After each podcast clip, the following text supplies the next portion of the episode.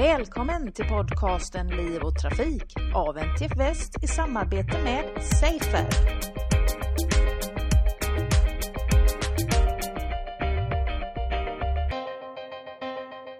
Idag träffar Liv och Trafikpodden Karin Brolin som är eh, biträdande professor vid Chalmers och associerad vid Safer och du jobbar med numeriska metoder för biomekanik och skadeprevention. Välkommen till podden! Tack så mycket! Numeriska metoder för biomekanik och skadeprevention, vad är det för något? Eh, det betyder att jag jobbar med att ta fram datormodeller av människan. Eh, och med de här modellerna av människan så ska man kunna titta på när går människan sönder? När håller människan? Hur rör sig människan i till exempel en krock? Eller det sker eh, något annat våldsförlopp där man har liksom höga krafter och sådär. Eh, Ja, så det är korthet. Skapa datormodeller som beter sig som människor och representerar riktiga människor. Så att vi inte ska behöva utföra våldsamma handlingar mot riktiga människor? Ja, det går inte helt enkelt. Nej, och det är inte bara eh, trafiksäkerhet som du eh, applicerar eh, den här forskningen på, eller hur? Nej, men det stämmer. Eh, de här datormodellerna kan man använda till eh, vilken typ av, eh, av forskning på människokroppen som man vill. Eh, man kan titta på skador inom sport, hur de uppstår och hur man bäst skyddar mot, eh, mot sådana skador. Eh, man kan utvärdera olika typer av gymnastiska volter eller annat för att se vad, vad blir det för belastningar på kroppen. Det finns såklart en väldig massa militära tillämpningar också, även om inte vi har så mycket verksamhet där. Eh, och sen finns det en massa medicinska tillämpningar. Man kan tänka sig att man tittar på om någon kommer in till sjukhuset med viss skada så skulle man kunna titta på hur påverkar den skadan risken att andra delar av kroppen skadas. Och man kan få en förståelse för vad har hänt med kroppen när den fick den här skadan och det kan ge ledtrådar till läkarna vart de ska titta efter andra symptom och skador och så. Och det är inte bara människor heller som du är involverad i? Nej, vi har precis haft en förstudie där vi har börjat titta på hästar. Eh, hästsport är ju stort och Chalmers har just nu en satsning på forskning kring hästar. Eh, så att vi har gjort en förstudie för att titta på vad skulle eh, det behövas för information och kunskap för att kunna göra eh, sådana här datormodeller av hästar för att se och utvärdera skaderisken för hästar beroende på dels hovslagerimetoder men sen också vilken typ av underlag som hästen springer på eller hoppar på eller sådär. Ehm, men tillbaka till trafiksäkerheten. Vad är det som är aktuellt just nu som du jobbar med? Eh, det, det, det, mest spännande projektet vi har tycker jag, eh, det är det projektet som kopplar till att det blir att, eh, att vi kommer ju till mer och mer autonoma bilar. Så småningom kommer ju troligen alla bilar köra av sig själva utan att föraren gör någonting aktivt. Eh, men redan idag finns det bilar på våra vägar som om man kommer tillräckligt nära en fotgängare bromsar av sig själva eller som snart kommer svänga och byta fil och göra sådana saker. Och då är frågan, hur reagerar människokroppen på det? Eh, så att jag, vi arbetar med att ta fram verktyg då till bilindustrin så att de ska kunna optimera sina skyddssystem helt enkelt. Eh, och se, är, är, det bättre om den svänger på det här sättet eller bromsar på det här sättet? När, vilken, när ska airbagen blåsas upp? Innan eller under eller sådana timingfrågor. Och för att de ska kunna göra de valen så behöver de bra verktyg som liknar människans respons. Så det är där vi kommer in. Och, och tidigare så var man ju, hade man ju fokus på liksom krock, själva krockförloppet. Och då är det så stora krafter och så stora energier och så korta tidsförlopp. Så att det spelar ingen roll om man simulerar muskelaktiveringen, alltså hur vi spänner våra kroppar. Men när vi kommer in och börjar titta på inbromsningar, ja då, då är det helt plötsligt muskelkrafterna ganska stora jämfört med accelerationen i bilen. Och då måste vi också simulera vad händer i kroppen när vi spänner våra muskler. Så det har vi ett ganska, hållit på med sedan 2009. Och vi är nu inne på att precis startat upp den tredje doktoranden i det här projektet. Eh, och vi har tagit fram en modell som vi kallar för eh, Safer AHBM, HBN för Human Body Model, som i humanmodell, en datormodell. Eh, och A som är aktiv, alltså att den kan vara aktiv och spänna sina muskler som en reaktion på det den råkar ut för. Och det är där som vår forskning skiljer sig lite mot det som har gjorts tidigare. Att vi har tagit fram en metod att, att reglera muskelaktiveringen beroende på vilka krafter och vilket våld och vilka accelerationer som modellen utsätts för. Eh, och, och det, i dagsläget så har vi en modell som kan simulera eh, förare och passagerare som råkar ut för in, olika typer av, in, av inbromsningar. Både när föraren bromsar själv men sen också när bilen bromsar själv och som simulerar hur rör sig då den här personen. Och så kan man då i förlängningen använda det och jag vet att de redan gör det, både, både, både Volvo och Autoliv har ju börjat använda den här modellen som vi har tagit fram för att bättre förstå vad som händer och hur de kan få systemen som är verksamma innan krock att bli att förbättra läget, utgångsläget och skydda bättre i krock sen. Vilka skador är det, eller vilka kroppsdelar, vilka muskler är det som just nu är intressantast att lära sig mer om? Jag tänker att eh, eh det kanske varierar över tid vad, eh, vad vi behöver få mer kunskap om. Eh, det gör det. Alltså, eh, eh jag svarar nästan på din fråga om det är okej. Okay. eh, så har vi ju det, de för vi vill ju också att de här modellerna ska prediktera skada. Så vi har ett annat projekt där vi har fot, fok, haft fokus på bröstkorg eh, och huvud och hjärnskador. Och nu har vi börjat titta lite på ryggrad, andra ryggradsskador också. Eh, för att förbättra hur väl de här datormodellerna predikterar eh, skada. Eh, så där har vi tydligt fokus huvud, bröstkorg, eh, ländrygg kan man säga. Eh, men vad det gäller musklerna så ligger den stora utmaningen i nackmusklerna. Därför att huvudet är som en stor kula som bara vilar helt instabilt på en liten pinne. Liksom. Och då musklerna i nacken är det som ser till att vårt huvud inte trillar åt fel håll. Så det är en väldigt komplex interaktion.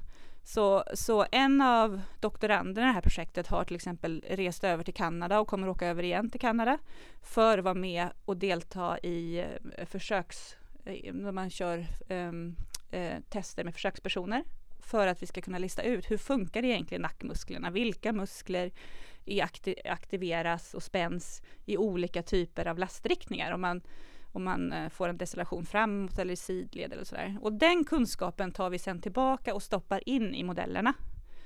Uh, så att nackmusklerna är den svåraste. Den största, den största utmaningen. Och då är det whiplash-skada vi pratar om eller?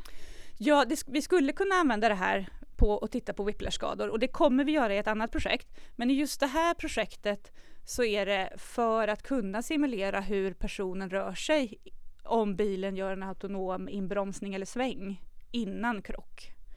Eh, så det här har vi inte fokus på någon viss skademekanism utan mer på att se till att verktyget eller den här datormodellen av människan kommer röra sig som en riktig livslevande människa med som spänner sina muskler.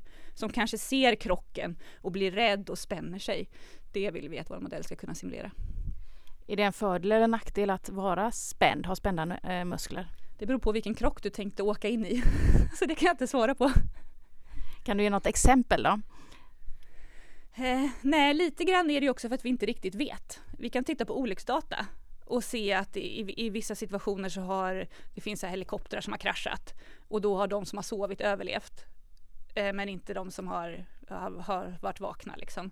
Men, men däremot så vet vi att i många andra situationer så är det en nackdel att man inte spänner sig för då rör sig kroppen, lederna kom, hamnar i sina extremlägen och då är det större risk för att man får en skada.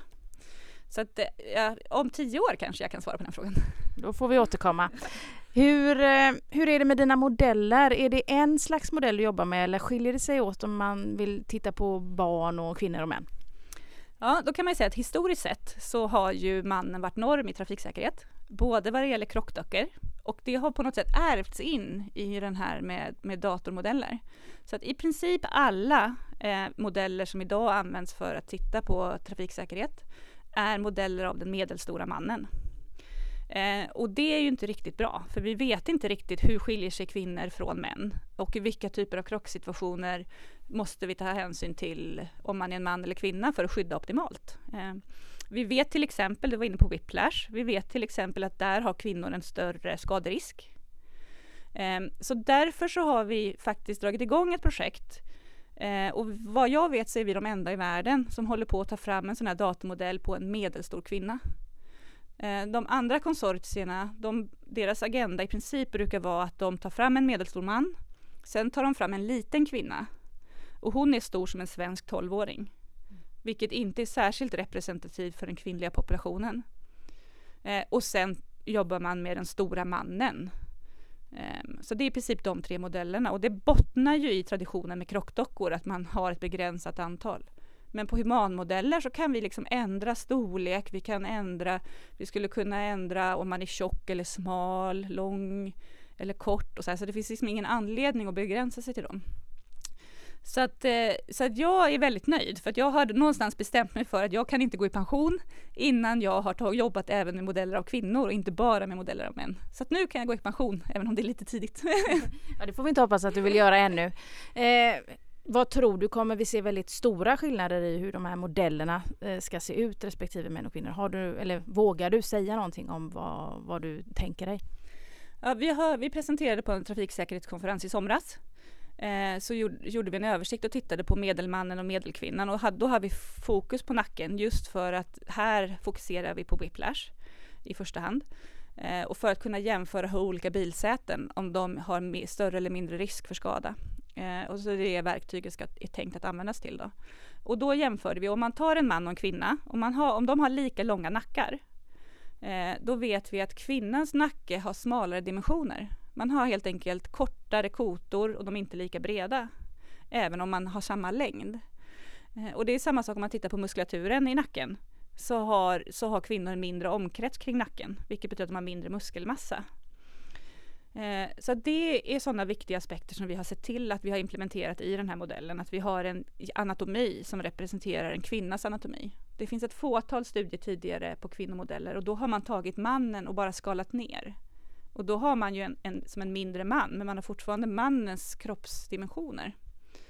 Eh, men sen vet vi inte, för att vi, vi vet att, att könshormoner påverkar materialegenskaperna. Det blir extremt tydligt vid graviditet till exempel.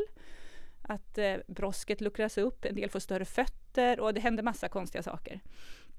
Eh, men det här kan ju även påverka de materialegenskaper vi går omkring med när vi inte är gravida också, alltså dagligdags och skilja det från män och kvinnor. Man ser inom eh, bollsport att kvinnor har mycket fler eh, ligamentskador i knäna än vad män har, eh, vi tittar på idrottsutövare. Eh, och det är inte riktigt klarlagt om det beror på att man har en annan höftgeometri och alltså belastar sitt knä annorlunda eller om det beror på materialegenskaper. Så att, så att just nu så kan jag inte svara på det heller för vi vet inte. Det finns forskning, viss forskning visar att det kan finnas skillnader, annan forskning visar att det inte finns skillnader. Och så, här. så det är en av de sakerna som vi vill titta på med den här datormodellen.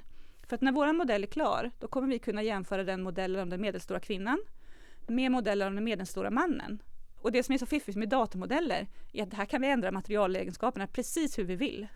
Och då skulle vi kunna göra sådana parameterstudier och titta på, är det materialegenskaperna som påverkar responsen? Eller är det själva att man har olika storlek? Är det det som är det viktiga? Eh, och med den kunskapen så skulle vi kunna eh, bli bättre på att designa skyddssystem för både män och kvinnor. Fordonsindustrin, hur kommer de att motta den här forskningen och hur, hur pass involverade är de redan nu? Eh, vi har fordonsindustrin med i, i princip alla våra projekt. Eh, deras huvudsyfte, de vill ju skydda alla. De vill ju inte skydda bara medelstora män, för det finns ju i princip inga medelstora män. Utan de vill ju att deras skyddssystem och bilar ska skydda alla, oavsett om du är man, kvinna, barn, gammal, tjock, smal och sådär. Eh, I, i, förra, I förra programmet så intervjuade ni Katarina Boman och då pratade hon om hur barn rör sig vid svängar och bromsningar. Och i, i det projektet och samarbete där så har vi tagit fram en barnmodell som, som har aktiv muskelverkan och som kan simulera ett barn i sväng. Och den skulle kunna användas för att till exempel titta på hur våldsamma svängmanövrar får autonoma fordon göra i framtiden. Den skulle också kunna användas för att titta på hur kan vi stabilisera barn på enkla sätt som åker i bilar idag när föraren gör en kraftig sväng. Och avslutningsvis, vad ser du som eh, nästa utmaning eller nästa steg i din forskning? Nu? Vart är du på väg någonstans? Eh, det som jag tycker gör att den här som gör att jag tycker att den här forskningen är så rolig är ju att precis det vi pratar om, det här att alla är olika. Eh, och att få in det i våra datamodeller, att kunna representera alla oavsett hur man ser ut, det är ju en jätteutmaning. Eh, och det kommer hålla mig sysselsatt tills jag dör, om jag inte går i pension innan. Då tackar vi så jättemycket att du tog dig tid att prata med oss. Tack Karin. Tack så mycket. Det var allt från Liv och Trafik för denna gång. Jag heter Angela Elvård och tack för att ni har lyssnat.